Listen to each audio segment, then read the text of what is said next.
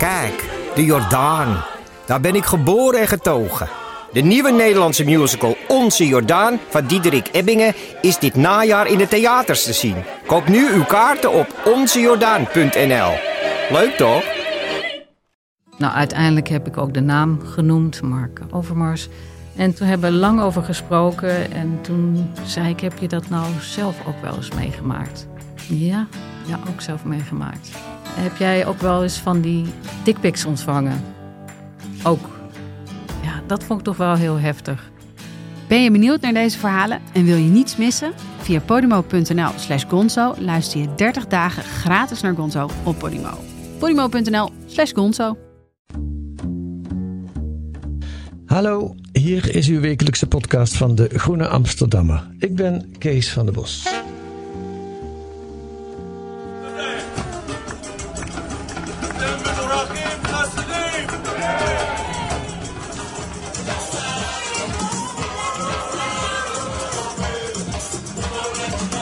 Simone, kun je beschrijven wat we hier horen? Ja, wat je op de achtergrond hoort, dat is uh, de muziek en het feest van de Afrikaanse Israëlieten uit Dimona in Israël. Het is niet meteen een geluid wat je in Israël verwacht. Nee, het ziet er ook Amerikaans uit. Of Amerikaans, Afrikaans uit. Hè? Mensen in Afrikaanse gewaden. Ja. ja. Zwarte mensen, die dansen. Uh, er wordt begeleide muziek gemaakt. Je waant je in Afrika. Ja, dat klopt ook. Ja. Maar waar zitten we? Ja. We zitten helemaal in het zuiden van Israël. Ja. In de Negev-woestijn. Ja. Helemaal het zuidelijk, zeg maar bijna het zuidelijkste puntje van de Negev-woestijn. Net iets ten noorden van de Dode Zee.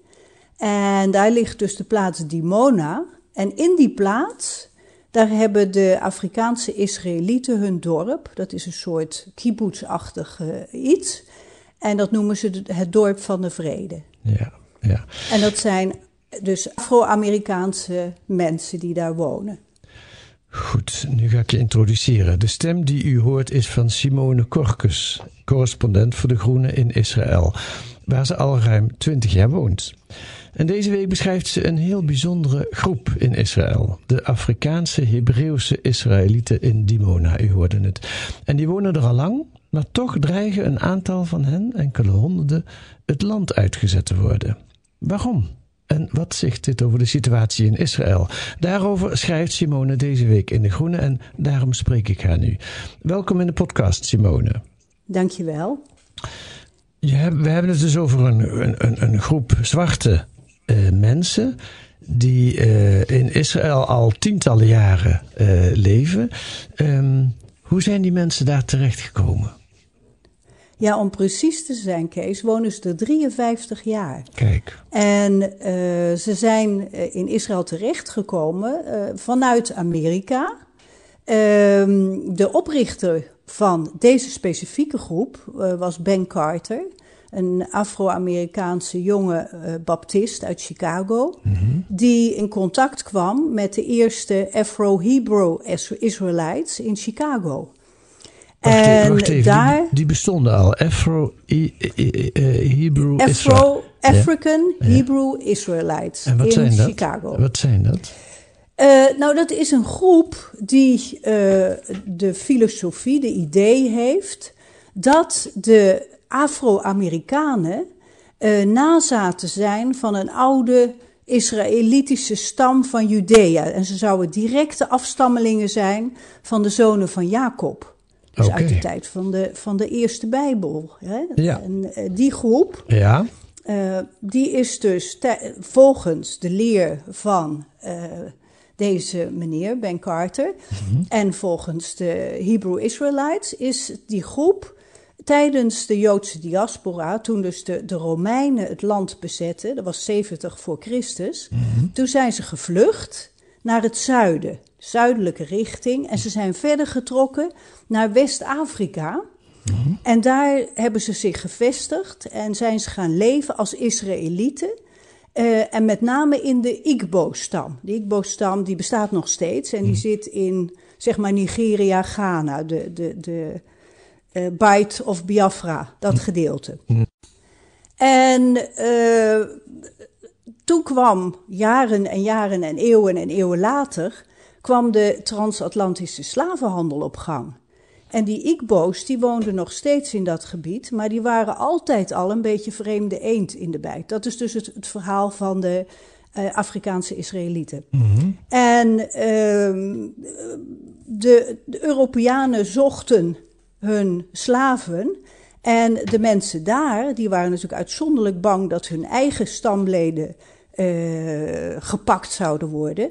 Maar ze hadden die vreemde Igbo's. En die werden dus als het ware naar voren geschoven, al dus de Israëlieten, om aan de handelaren te worden verkocht. Mhm. Nou, en als je dan weet dat er meer dan 12,5 miljoen Afrikanen verhandeld zijn in die tijd, een vreselijk iets, en bijna 400.000 in de Verenigde Staten terechtgekomen zijn. En uh, de man die ik gesproken heb, die zegt, nou, van dat gedeelte, van die 400.000, is ruim 60 procent uh, bestaat uit leden van de Igbo-stam. Dat is hun uh, filosofie. Ja, en dat zijn, die leden van de Igbo-stam zijn allemaal nazaten van die uh, Israëlieten die in de Joodse diaspora onder de, in de Romeinse tijd, dus voor Christus, ja, uit het ja. land verjaagd zijn. Dat, dat is de filosofie. Dus het zijn uit de pre-Talmoedische periode, dus voordat uh, de Talmoed werd samengesteld en de Joodse rabbijnen zich bogen over de Bijbelteksten en daar verschillende uitleg aan gaven. En op die basis, zeg maar, de moderne uh, Joodse uh, gebruiken en tradities samenstel. Dus uit de, pre, uit de Bijbelperiode Mhm. dateren zij nog. En uh, zijn dus vanuit Israël, het land van Israël, terechtgekomen in Nigeria en Ghana. En van daaruit verscheept naar de Verenigde Staten. Nou, hij zegt ook. Uh, en ik heb het dan over de man waarmee ik gesproken heb, de, de minister. Ja. Die zegt van ja, uh, er is zelfs bewijs, want er is een Schotse ontdekkingsreiziger geweest, Mungo Park. En die is aan het einde van de 18e eeuw, is die de rivier de Niger afgereisd en door de binnenlanden van West-Afrika. En die heeft al vastgesteld dat die Igbo-stam allerlei uh, Joodse uh, tradities en gebruiken had en een identiteit had. Wat voor gebruiken? En dat ze de, uh, bijvoorbeeld de besnijdenis van, van jonge zonen acht dagen na geboorte, binnen acht dagen na geboorte. ze, ze aten kosher. Hm. ze rouwden zeven dagen om hun doden. Dat, dat, dat doen Joden ook, hè? dat is de Shiva. En ze vierden Rosh Chodesh. En Rosh Chodesh, dat is het feest van de nieuwe maan. Nou, dat is typisch iets Joods. En ze zongen liederen die gingen over de, de rivier de Jordaan en over Jericho. En, en volgens die Mungo Park waren die tradities van voor de komst van de christelijke missionarissen in. Afrika. Oké. Okay. Dus op zich heel interessant. Ja, wat een verhaal. En, en laten we even uh, uh, teruggaan naar Ben Carter, de, de, de, de, de bestichter, tenminste die man uit Chicago, die ergens in de zeventiger jaren zal dat geweest zijn dan. Uh, besloot om met een groep van die Afrikaanse, Hebreeuwse Israëlieten uit Chicago te vertrekken. Waarom? Uh, hij kreeg, dat, het, dat is ook weer dus een prachtige legende natuurlijk. Hij kreeg op een avond kreeg hij een visioen. En dat visioen kwam van de engel Gabriel. En die zei tegen hem dat hij de kinderen van Israël, en daar bedoelden ze dus de Afro-Amerikanen mee, mm-hmm. dat hij die naar die Mona moest brengen in het beloofde land. Mm-hmm. Nou, en dat deed hij dus. En hij verkondigde die leer en is toen met zo'n 400 volgelingen is die vertrokken. Eerst naar Liberia en vanuit Liberia, wat er toen aan mensen nog over was, naar Israël. Oké, okay. en zo is het begonnen. Dat is een klein groepje van iets meer dan 100 mensen, 5, 53 ja. jaar geleden. En die zijn inmiddels uitgegroeid tot een groep van 4000, 5000 mensen? Uh, meer dan 3000. Exacte aantal ja. weten we niet, ja. omdat niet iedereen geregistreerd is. Dus Ja. kan, we weten 3000, maar het kan veel meer zijn. Nou zijn dit op zich prachtige verhalen, eh, overleveringen, deels gesteund dus door zo'n Schotse ontdekkingsreiziger. Maar klopt het ook? Uh, wie zal het zeggen? Uh, klopt, klopt het verhaal van de, de verloren stammen, wat ook een, een soort legende is? Klopt het verhaal van de Holy Grail, waar iedereen nog steeds naar op zoek is? Mm -hmm. Ja, 100% weten doen we het niet. Nee. nee maar... uh, het, het, klinkt plausibel. Ja. Een deel van het verhaal klinkt plausibel, om in de, omdat inderdaad die Igbo-stam allerlei uh, Joodse gebruiken en praktijken heeft. En die moeten ergens vandaan gekomen zijn. Ja, ja. En de reden dat we er nu over spreken is dat de Israëlische staat uh, haar, uh, haar harde gezicht toont en bezig is ja. om een aantal van deze mensen, precies weet je dat ook niet, maar wel, het gaat om 100 of 200 mensen, uh, Israël uit wil zetten. Ja. Waarom, ja. waarom ja. zouden ze dat nou doen? Ja, ehm, Israël redeneert dat de visumperiode van die mensen Iedereen kan, iedere buitenlander kan op een toeristenvisum het land binnenkomen. En je hebt dan drie maanden het recht om in Israël te zijn, dat die periode verstreken is. Ja, dat is natuurlijk dat... grappig, want ze zitten hier al 53 jaar. Ja, dus daar, daar kunnen we weinig tegen inbrengen. Die periode ja, is ja. wel verstreken. Maar, maar het, Israël, dit, dit raakt, ja? Israël staat, toch, nee, nee, Israël staat toch open voor Joden uit, uit de hele wereld? Het is toch een Joodse staat? Ja, dit raakt nou precies, Kees, de basis van de Joodse staat. Want eh, er is een, een wet uit negatief. Israël is in, in 1948 opgericht, even mm -hmm. voor alle duidelijkheid. Mm -hmm. En dat was eigenlijk voor alle Joden ter wereld. Het was, dat was een droom die uitkwam na alle uh, achtervolgingen en vernietigingen van het Joodse volk die daarvoor hebben plaatsgehad. Mm. En uh, Israël was dus het en is het nationale tehuis voor alle Joden, een Joodse staat. Ja. Nou, twee jaar na de oprichting hebben ze toen een wet aangenomen, de wet van terugkeer in 1950. En die zegt dat elke Jood het recht van terugkeer naar Israël heeft. Maar, en dan komt precies de aap uit de mouw, wat is een Jood? En dat bepaalt voor een deel de, de halacha, de Joodse leefregels. Hè, die, die zeggen dat iedereen die een, een Joodse moeder heeft, die behoort tot het Joodse volk. Mm -hmm. Of die nou religieus is of niet en waar ter wereld ook geboren. Mm -hmm. Maar de wet gaat net iets verder en die zegt mensen met één Joodse ouder of grootouder worden ook als Jood aangemerkt. Mm -hmm. In de optiek van Israël zijn de Hebreeuwse Israëlieten geen Joden in de zin van deze wet en van de halacha. Wacht even, maar die mensen zijn woonden vroeger in Israël, tenminste volgens hun eigen legende, zijn verdreven ja. uit Israël, komen er nu terug, of zijn er nu al teruggekomen, 53 jaar. En dan zegt ja. Israël toch, jullie horen hier niet.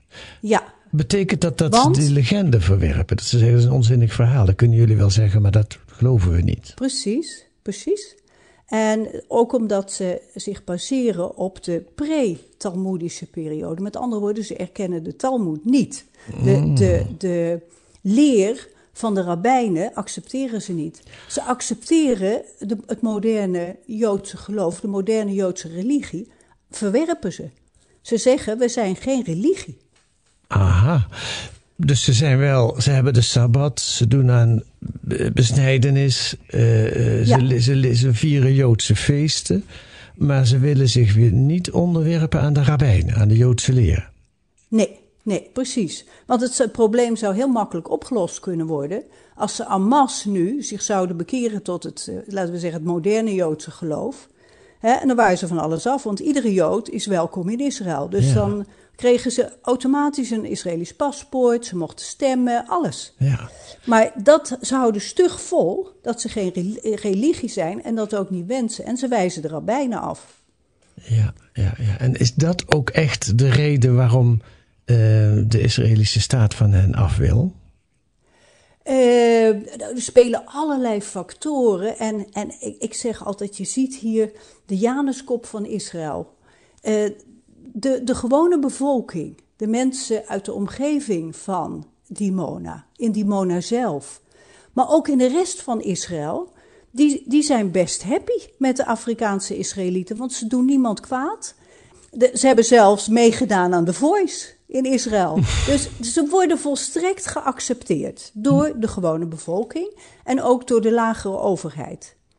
De, de uh, staat Israël die stelt zich op het standpunt dat alleen Joden hier welkom zijn, in feite. Mhm, Ja? mhm. Uh, maar er speelt nog iets meer een rol, en dat hebben we, uh, heb ik later in gesprekken uitgevonden. Dat ook niet onbelangrijk is dat ze een donkere huidskleur hebben. Racisme. Ja, precies. Het heeft hier heel lang geduurd in Israël voordat bijvoorbeeld de Ethiopische Joden, die ook eigenlijk een soort verloren stam zijn, hè, die, die, die uh, vervolgd werden in Ethiopië, voordat die geaccepteerd werden. En toen heeft Israël een luchtbrug opgezet om die Ethiopische Joden naar Israël te halen. Hm. Maar dat ging met heel veel problemen.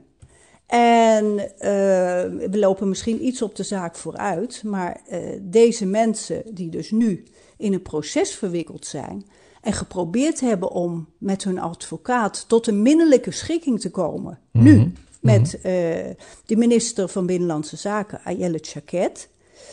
Die uh, kwamen voor een dichte deur en mevrouw Shaked was niet bereid om de advocaat zelf te woord te staan. Iemand anders, een vertegenwoordiger, kwam en die man die zei letterlijk van ja, als we dit accepteren, dan krijgen we net zoiets als met de uh, Ethiopische Joden. Je zet de deur open, er komt er één en vervolgens heb je de hele zaak hier binnen zitten. Mm-hmm. En Met andere woorden, met andere woorden, er is volstrekt geen verband, Nee. 0,0 verband tussen de Ethiopische Joden en deze mensen. Het enige waarin ze enige gelijkenis vertonen is hun huidskleur. ja. Dus dat is op zich al, eh, was dat een racistische opmerking? Verschrikkelijk. En dat Ja. van een staatsbeambte, dat is natuurlijk wel heel ernstig. Ja. Nou, nou is het ook nog zo, dat eh, schrijf jij, 19 jaar geleden eh, is het probleem eigenlijk opgelost door eh, een, een toenmalige minister van Binnenlandse Zaken, Avran Porras. En die heeft gezegd, het is een onhoudbare toestand, we moeten dat gewoon eh, oplossen. Ik geef al deze mensen een verblijfsvergunning. Precies. Dus probleem die- opgelost. Ja, ja. Maar toch Dat, niet. dat had een, toch niet. Dat had een hele humane oplossing kunnen zijn. Mhm. En dan baseer je niet op de wet, maar op, op een vorm van gerechtigheid, humaniteit. Mhm. En ik heb de man persoonlijk gesproken, deze minister. Mhm. En die vertelde dus dat hij iedereen in één keer had hij een permanente verblijfsvergunning kunnen geven, willen geven. Maar door allerlei, ja, ik denk fouten, nalatigheden, eh, niemand weet precies wat, vielen er dus 112 mensen buiten de boot. En die groep, die eh, misschien ook, ook onwetendheid, want eh, het, het ministerie van Binnenlandse Zaken en het aanvragen van visa hier, dat, dat is een heel eh, onduidelijke zaak. Het is vreselijk druk als je daar komt. Het is heel duur als je een advocaat moet inschakelen om een, een verblijfsvergunning te krijgen. Dat kost je verschrikkelijk veel geld. Afijn, die mensen hebben dus niets gedaan en die zijn zonder vergunning in Israël gebleven. Ja. Wat een bizar verhaal. Ja, Hè? en die groep is dus inmiddels uitgegroeid. Hè? Het, is Ja. niet, gaat niet meer om 112 man, maar die hebben inmiddels al kinderen en kleinkinderen. En eh, die- die- die- we weten niet precies hoe groot die groep is. Ik heb gesproken met de advocaat van, advocaten van deze eh, eh, Afrikaanse Israëlieten. En die zegt eh, dat volgens haar zijn er honderden die niet geregistreerd zijn. Maar goed, het, het is dus een situatie waar meer dan 3000 mensen in Dimona, in, in Zuid-Israël, in die stad leven. Die vormen geen probleem. Die, die Ja. hebben ook hun eigen kibbutzachtige economie. Die, die doen ook geen beroep op. Die mogen ook blijven. Maar door een administratieve vergissing zijn er eh 19 jaar geleden iets meer dan 100 mensen buiten de boot gevallen. En nu ineens zegt de Israëlische staat, jullie moeten wegwezen.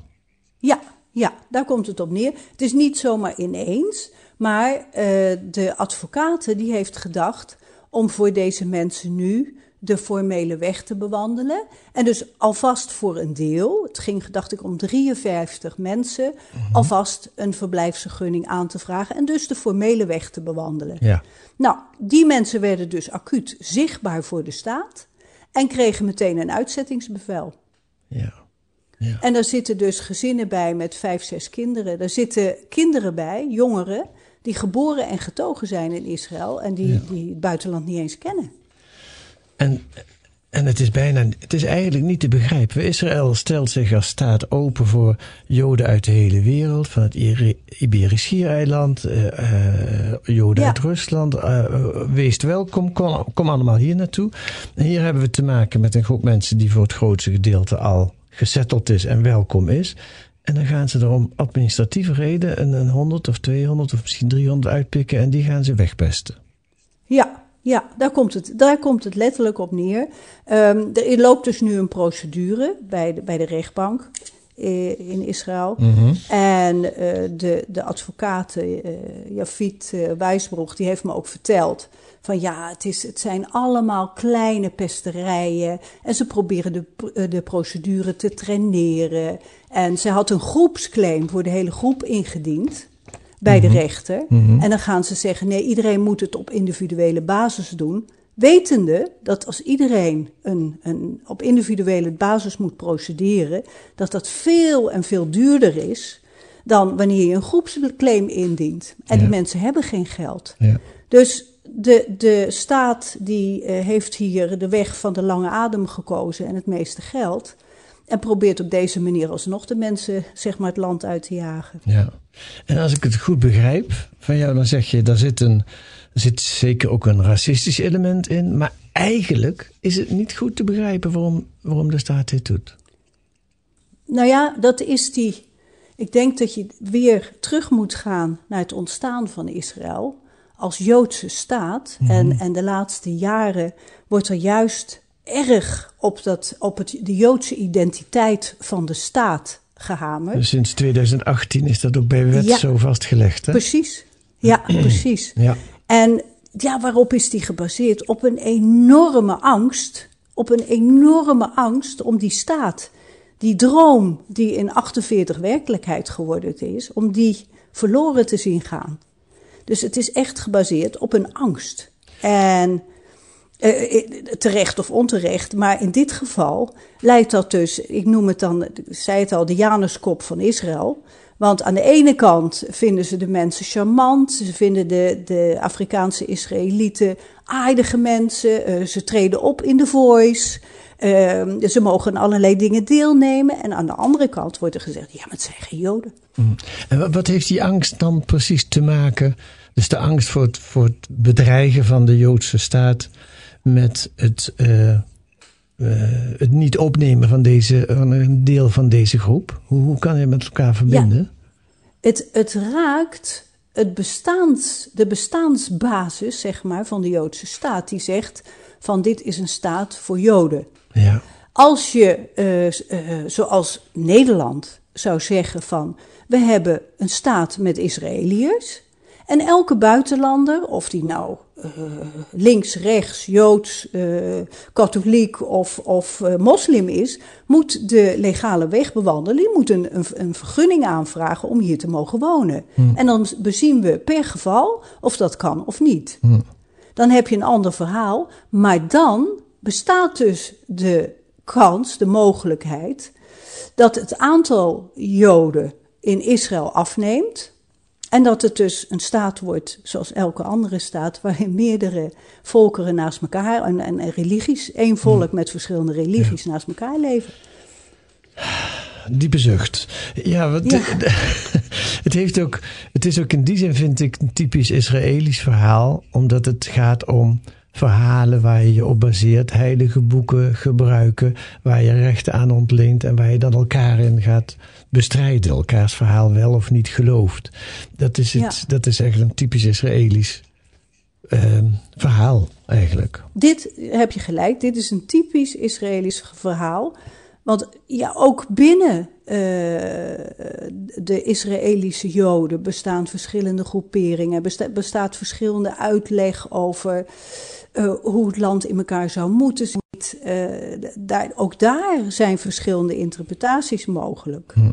Maar de, de huidige regering, die nog even, even aan het bewind is, want 1 november hebben we weer verkiezingen hier. Uh, en de, en de, de, regering die daarna komt, ja, die zal zich nu moeten buigen over het verhaal ja. van deze groep. Ja. Van deze 3000 mensen. Ja. Uh, en waarschijnlijk, uh, een van de mensen die ik geïnterviewd heb, die, die liet dat ook duidelijk blijken. Waarschijnlijk heeft de, de overheid zo'n, laten we zeggen, laissez-faire, ik schuif mijn pakje door aan de volgende mm -hmm. beleid dat uh, dit verhaal nog eeuwen zo gaat voortduren. Is het in Israël een thema? Wordt, het, wordt hierover gesproken in de kranten? Of, of, of, of, jij schrijft er niet over hier. Maar is het in Israël ook een thema? Het heeft als een korte, kort bericht in een aantal kranten gestaan. Uh, en verder niet. Nee. Nee. Nee, het is niet zo dat mensen op de barricade gaan en zeggen: overheid, hier moet een einde aankomen. Dit is. Uh, waar is de gerechtigheid in dit ja, verhaal? Ja, ja. Ja, wat een vreselijk verhaal. Ja, en je zegt ja. zelf al hoe het, hoe het verder gaat. Uh, het, het, het, het, het, het wordt nog een tijdje vooruitgeschoven waarschijnlijk. Ja, ja wat, wat heel vervelend is overigens voor de mensen die het betreft. Want in de tussentijd zijn ze in Israël dus eigenlijk niets. Uh, ze kunnen geen aanspraak maken op sociale verzekeringen, op gewone verzekeringen. Uh, ze hebben dan een deal gesloten met de lagere overheid. Dus ze kunnen naar school en ze kunnen naar de universiteit, maar moeten dan het volle pond betalen, want het is niet gesubsidieerd. Hm. Uh, dus het, het, is heel vervelend, want ze weten niet hoe hun toekomst zal zijn. Ja. ja. Goed, lees dat allemaal deze week in De Groene. Uh, Simone, uh, ik heb nog twee andere vragen aan je. Want je zat in juli vorig jaar ook in de podcast. Voor mensen die nog wat meer over Simone Korkus willen horen. Toen heb je uitgebreid ook over jezelf verteld. Dat is podcast nummer 140. Um, en de aanleiding was toen een soort dreigende burgeroorlog in Israël. Gevechten tussen extremistische Joden en Arabieren in Israëlische ja. steden. Is die storm gaan liggen? Uh, of die storm is gaan liggen, betwijfel ik. Laten we zo zeggen, er is op, dit, op dit moment zijn er geen geweldplegingen tussen beide groepen. Hm. Um, de, de zaak is niet opgelost. Hm. En de, de gemoederen zijn niet bedaard. Uh, het blijft, de, de kern van de zaak blijft overeind. En dat is? Dus dat er een, een, een ongelijke behandeling is van Joden en niet-Joden, dus Arabieren hebben het nu over, in Israël. Ja. En dat er binnen de Arabische bevolking, en gisteren stond er weer een uitgebreid artikel in, in Haaretz, en ik hoor het ook van mijn Arabische vrienden, er is een enorme toename van misdrijven, misdaad in de Arabische gemeenschap. Alleen Israël doet daar te weinig aan. Die laat het gewoon gebeuren. En dat zijn allemaal heel ernstige dingen die moeten worden opgepakt. En als Israël daar niets aan doet, ja, dan is het een, een soort snelkookpan die op een gegeven moment ontploft. Ja. Ja, en je zou kunnen zeggen, het verband met het verhaal wat je deze week schrijft, is het gaat om ongelijke behandeling van mensen die, uh, die gebaseerd zijn op dat je mensen niet als mensen beschouwt, maar als lid van een groep ja. waar je een mening over hebt. Ja, als je nou maar, als je nou maar het verhaal van de ander is toelaat in je eigen verhaal, als je hem als mens gaat zien met ook zijn pijntjes en ook zijn problemen, als je dat toelaat, dan wordt jouw eigen verhaal ook anders. Hè? Mm. Mm. En dus laten we hopen dat dat ooit gebeurt. Ik, ik zie het op dit moment vrij somber in hier. Mm. Iets anders wat je toen ook vertelde is dat je met een boek bezig was over je eigen aliyah, jouw eigen gang ja, ja. naar Israël. Hoe staat het daarmee? Uh, dat is bijna klaar. Ik heb nog een aantal dingen die ik ga toevoegen. En uh, ik ben met een heleboel andere dingen bezig, ook voor de Groenen. Ja, ja. Dus dat, dat is bijna zover. Oké. En even dat mensen weten waar we het over hebben. Dat, wat, wat, wat het is in een paar zinnen samen. Wat, wat gaat, waar gaat het boek over? Dat boek gaat erover dat ik als uh, niet-Joodse, niet-Israëlische, uh, in Israël terechtgekomen ben, twintig jaar geleden. En uh, wat ik heb meegemaakt en, en hoe ik een, een plaats al is het een hele kleine plaats, heb kunnen verwerven hier in dit land en, en, en ook uh, met mijn Palestijnse vrienden. Hm. Dat, dat, dat, is in een nutshell het verhaal. Oké, en waarom moeten we dat lezen? Uh, omdat ik denk dat het, het probleem, het onderliggend probleem van ontheemding, uh, dat komen we ook tegen ja. in Nederland. Ja. Wij hebben ook immigranten. We hebben ook mensen die uit een volstrekt andere cultuur komen en ontheemd zijn. En dan nou wil ik mezelf niet vergelijken, want ik heb een hele luxe ontheemding gehad, als het ware. Want ik ben in Nederland blijven werken. Mm-hmm. Maar uh, ja, je maakt uh, een, een uh, volstrekte verandering van, van je leefomstandigheden mee. Ja. En, en de andere kant die je niet begrijpt. En ja. het zou goed zijn als wij Nederlanders ook wat meer begrip en compassie zouden kunnen opbrengen. En ook het verhaal van de ander ons eigen verhaal maken. Dat, dan heeft elke on, ontheming, als je die goed vertelt, heeft universele karakter, universele trekken. Ja, ja, ja, ja. ja. Simone Korkus, dankjewel voor dit gesprek. En we kijken uit naar uh, wat er allemaal nog van jouw hand komt. Dankjewel. Jij ook bedankt voor dit gesprek.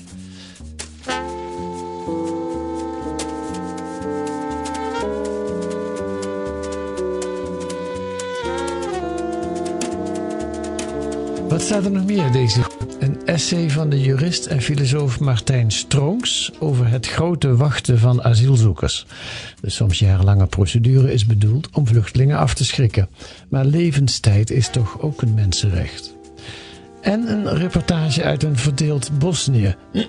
Pardon. Een reportage uit een verdeeld Bosnië waar Russen druk aan stoken zijn en ondertussen het land plunderen.